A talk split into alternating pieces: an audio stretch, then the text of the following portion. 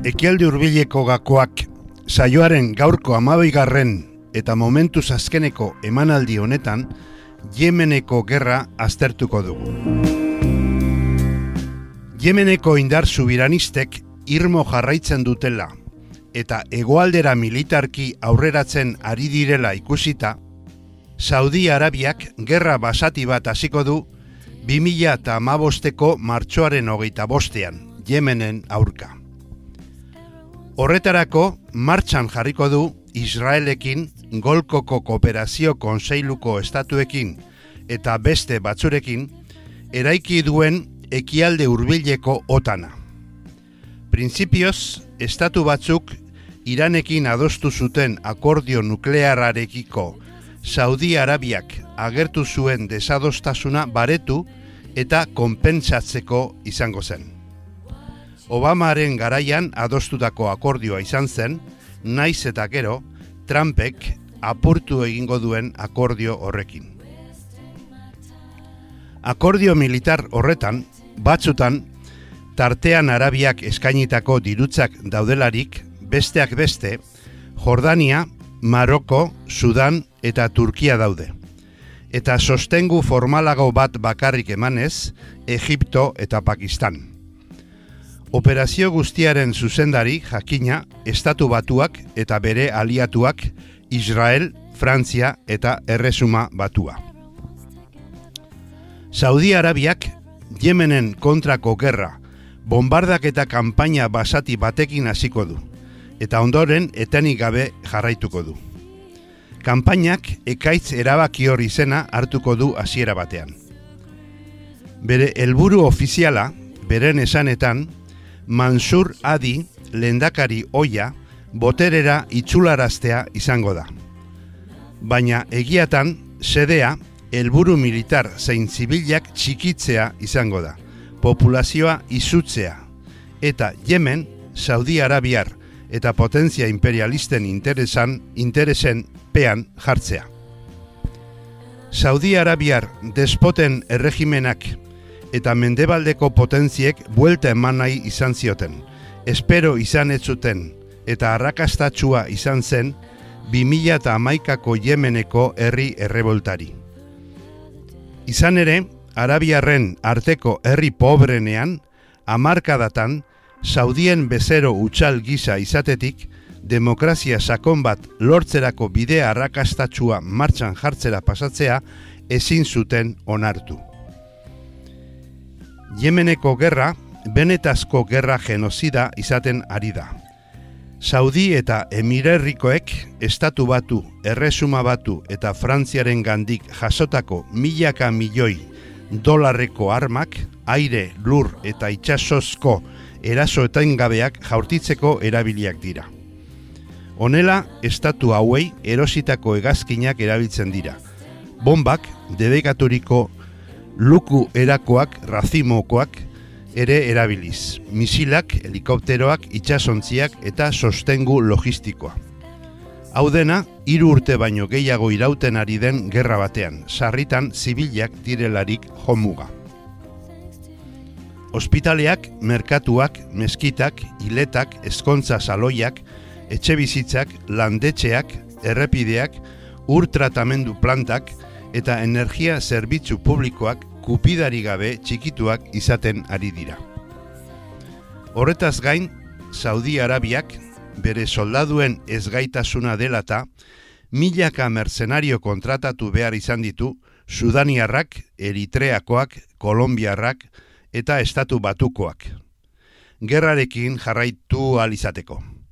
Aztu gabe, Turkiak isiseko bosteun militante ekarri zituela Siriatik lau egazkinetan, Yemeneko indar herritarren kontra.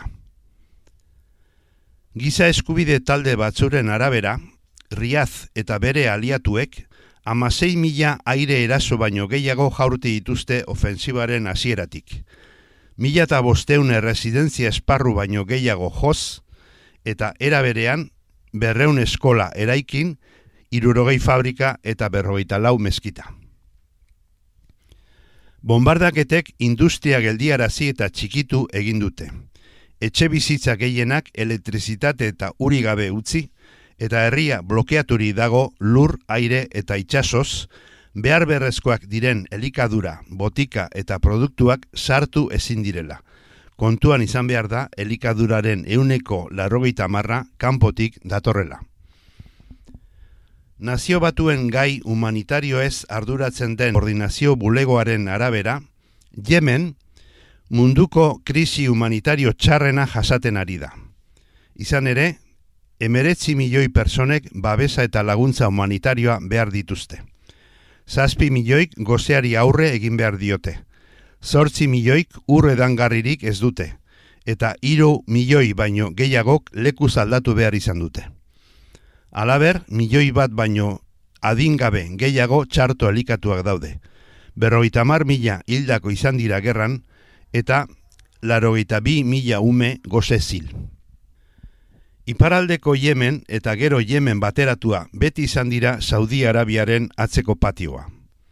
Saudi Arabia beti egonda kezkatua iparaldeko txiismoaz, herriaren kokapen geostrategikoaz, bere aberaztasunez eta ikamikan dauden mugako lurraldez. Eta honen bestez, beti esku hartu du barne politikan orain egiten ari den bezala.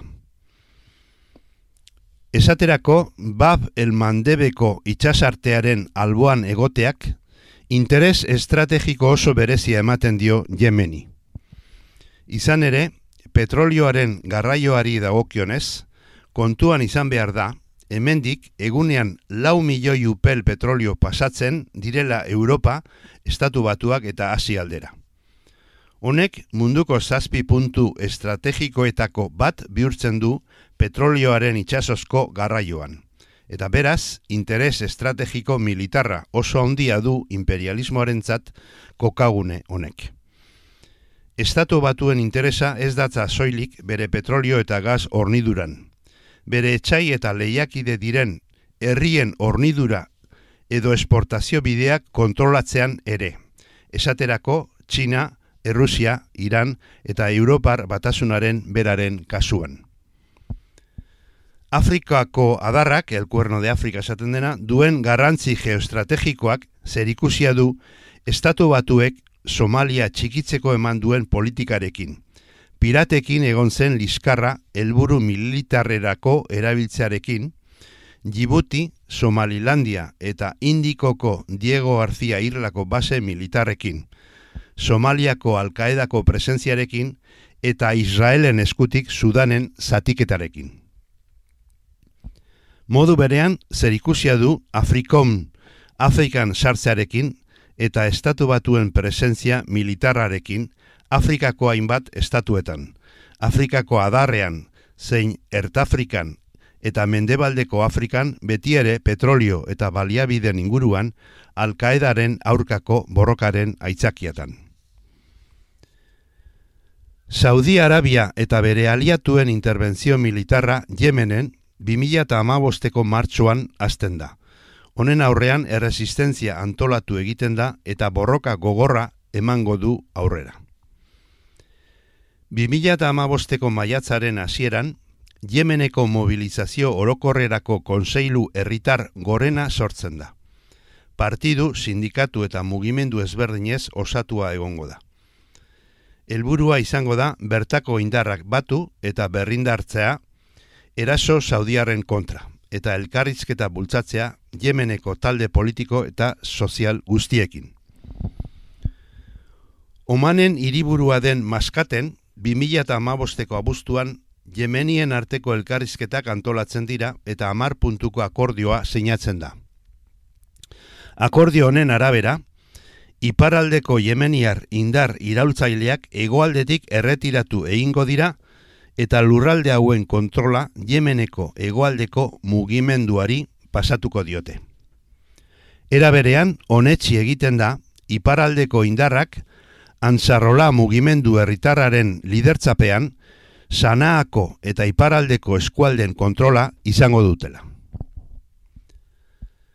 Gero, mila eta amaseiko ustailaren hogeita sortzian, konseilu politiko gorena sortzen da. Yemeneko zuzendaritzarako erakunde ejekutibo gisa. Ansarrolaz eta Saleeren kongresu orokor herritarraz. e, osatua. Amar kide izango dira eta lendakaria sale ali samaz izango da 2000 eta amazortziko apirilaren emeretzian eraitzen duten arte. Eundaka milaka eta itzurri batzuren arabera milioi bat jemeniar ateratzen dira kalera sanaan. 2006ko abuztuaren hogeian, sortu berri den erakundeari sostengua adieraziz, Saudiarren eraso militarraren kanpainaren aurka. Urtebete beranduago, 2000 eta amazazpian, eundaka milaka persona bilduko dira Yemeneko hiriburuan, 2000 eta amalauko irailaren hogeita bateko irugarren urte urrena ospatu eta nazioaren kontrako Saudiarren gerra odoltsua salatzeko. Utiek, mendebaldeko medioek diotena ez bezala, ez dute politika konfesional bat praktikatzen, baizik eta politika subirano zalea. Egiatan, Yemeneko subirano zaleen artean, lehen mailako indarak dira, ez bolaren antzera. Pan-islamistak eta pan-arabiarrak dira, eta ejertzitoaren eta tribu suniar askoren sostengua lortu dute. 2008ako matxinadako lehen momentutik ejertzitoaren sektore garrantzitsuek uti eta matxinoekin bat egin zuten. Saudi Arabiarren 2008ko erasoan, sale lendakari oiak eta bere partiduaren parte handi batek eta bere eraginpean zeuden ejertzitoaren sektorek ere, utien alde egin zuten. Rol garrantzitsua jokatuz, invasore, mercenario, alkaeda eta adiren aliatuen kontra. Salek traizioa egin zuenean, subirano zaleen kontra eta Saudi Arabiaren alde, utiek hil egin zuten, baina hala ere, bere aldeko sektore batzuk utzi egin zioten eta partidua berriro apurtu zen. Saudi Arabiaren beste aliatua, anaia musulmanak dira. Alkaedaren anima direnak hauentzako militantziaren iturri eta beti imperialismoaren zerbitzutan. Yemenen al-Isla partiduan daude. Honek beti hartu du parte txiismoaren eta utien kontrako errepresioan eta mila beratzireunda larogeita amalauean egualdeko kontrako gerran.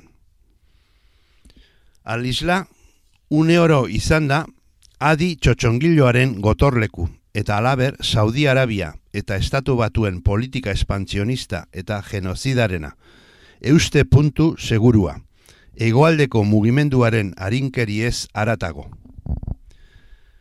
Nazio batuek beti bezala imperialismoaren zerbitzutan, 2000 eta amabosteko apirilaren amalauko seguritate konseiluaren, 2000 eta amasei erabakian, indar herritarren alde bakarreko atzera egitea eta berauen kontrako arma baitura eskatzen da Saudi Arabiaren jarrera indartuz, eta bestalde bombardak eta guztiak zurituz, justifikatuz. Egoaldeko mugimenduak hainbat goraberako bilakabaia izan du.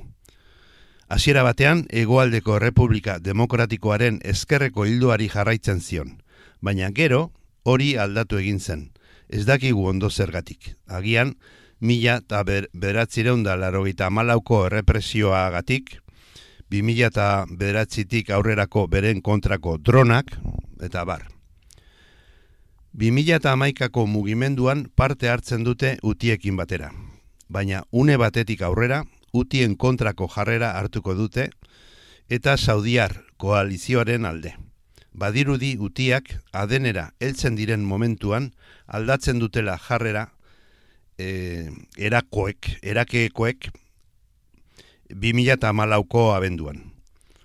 Adeneko 2008ko ustaileko errekonkistan parte hartzen dute utien kontra, eta arrez gero arabiar emirerri batuen apoioa jasoko dute. 2008ko apiriletik aurrera tensioak sortuko dira egualdeko mugimendua eta adiren artean. 2000 eta amazazpiko anpirilaren hogeita zazpian, adik kargu gabetu egiten du. Adeneko gobernadorea zen Aidaruz Alzubaidi generala, adenen oso ospetsua zena, bere errolagatik batez ere aden berreskuratzen. Aidaruz kargugabat, kargugabetzearekin batera, adik egualdeko secesionismo saiakerak deserrotu egin nahi zituen, banderak eta beste simboloak debekatuz, baina etzuen lortu beste gobernadore bat inposatzea. 2008ko maiatzaren lauean, mila beratzireunda larogeita malauko gerra zibilaren urte hurrenean, alzubaidik adeneko aldarrikapena irakurri zuen. Adeneko aldarrikapena plazaratu eta astebete beranduago, 2008ko maiatzaren amaikan, egoaldeko transizio konseilua sortzen da, erakunde secesionista bezala. 2008ko urtarriaren hogeita sortzian, egoaldeko transizio konseiluaren aldekoek, adeneko jemeneko gobernuaren bulego nagusiak hartzen dituzte. Adiren gobernuaren kontrako estatu golpe gisa. E, ekialdeko, egoaldeko transizio konseiluak adeneko kontrola lortu zuen adeneko bataian, 2000 eta amazortziko urtarriaren hogeita sortzitik hogeita maika artean. Eta azkenik, e, negoziaketez, e, ipatu behar dugu zeo zer, 2000 eta amazortziko urriarean, urriaren hogeita marrean, estatu batuek zueten aldi eta bake elkarrizketarako deialdia egin zuen hogeita amar egunetako epean. Suedia proposatzen zuten horretarako, izan ere, gerra gaizki doakie Saudi Arabia eta aliatuei. Ansarrolak mesfidantzaz hartu zuen. Jada, hasita daude elkarrizketak eta lehenik arazo humanitarioa konpontzea da helburua. Ikusi egin beharko da, benetan doan edo ez. Bakea oso beharrezkoa da, baina ez edo nola. Ansarrola ez da engainatzen utziko. Ta azkeneko berria, abenduaren ama iruan, ostegunean zuetenaz akordioa lortu zen, abenduaren emezortzian aplikatuko dena indar guztiek erretiratu egin behar dute hogeita bat egunetan odeidatik. Egun hauetan oraindik riaden aliatuek bombardatzen jarraitu dute odeida. Akordioa indarrean jarri ondoren, oraindik Saudi Arabiak bombardaketa batzuren batzurekin jarraitzen du. Bueno, eta hemen bukatzen dugu saioa, da, bueno, pues urrengo bat arte. Ondo izan. Do you believe what you see?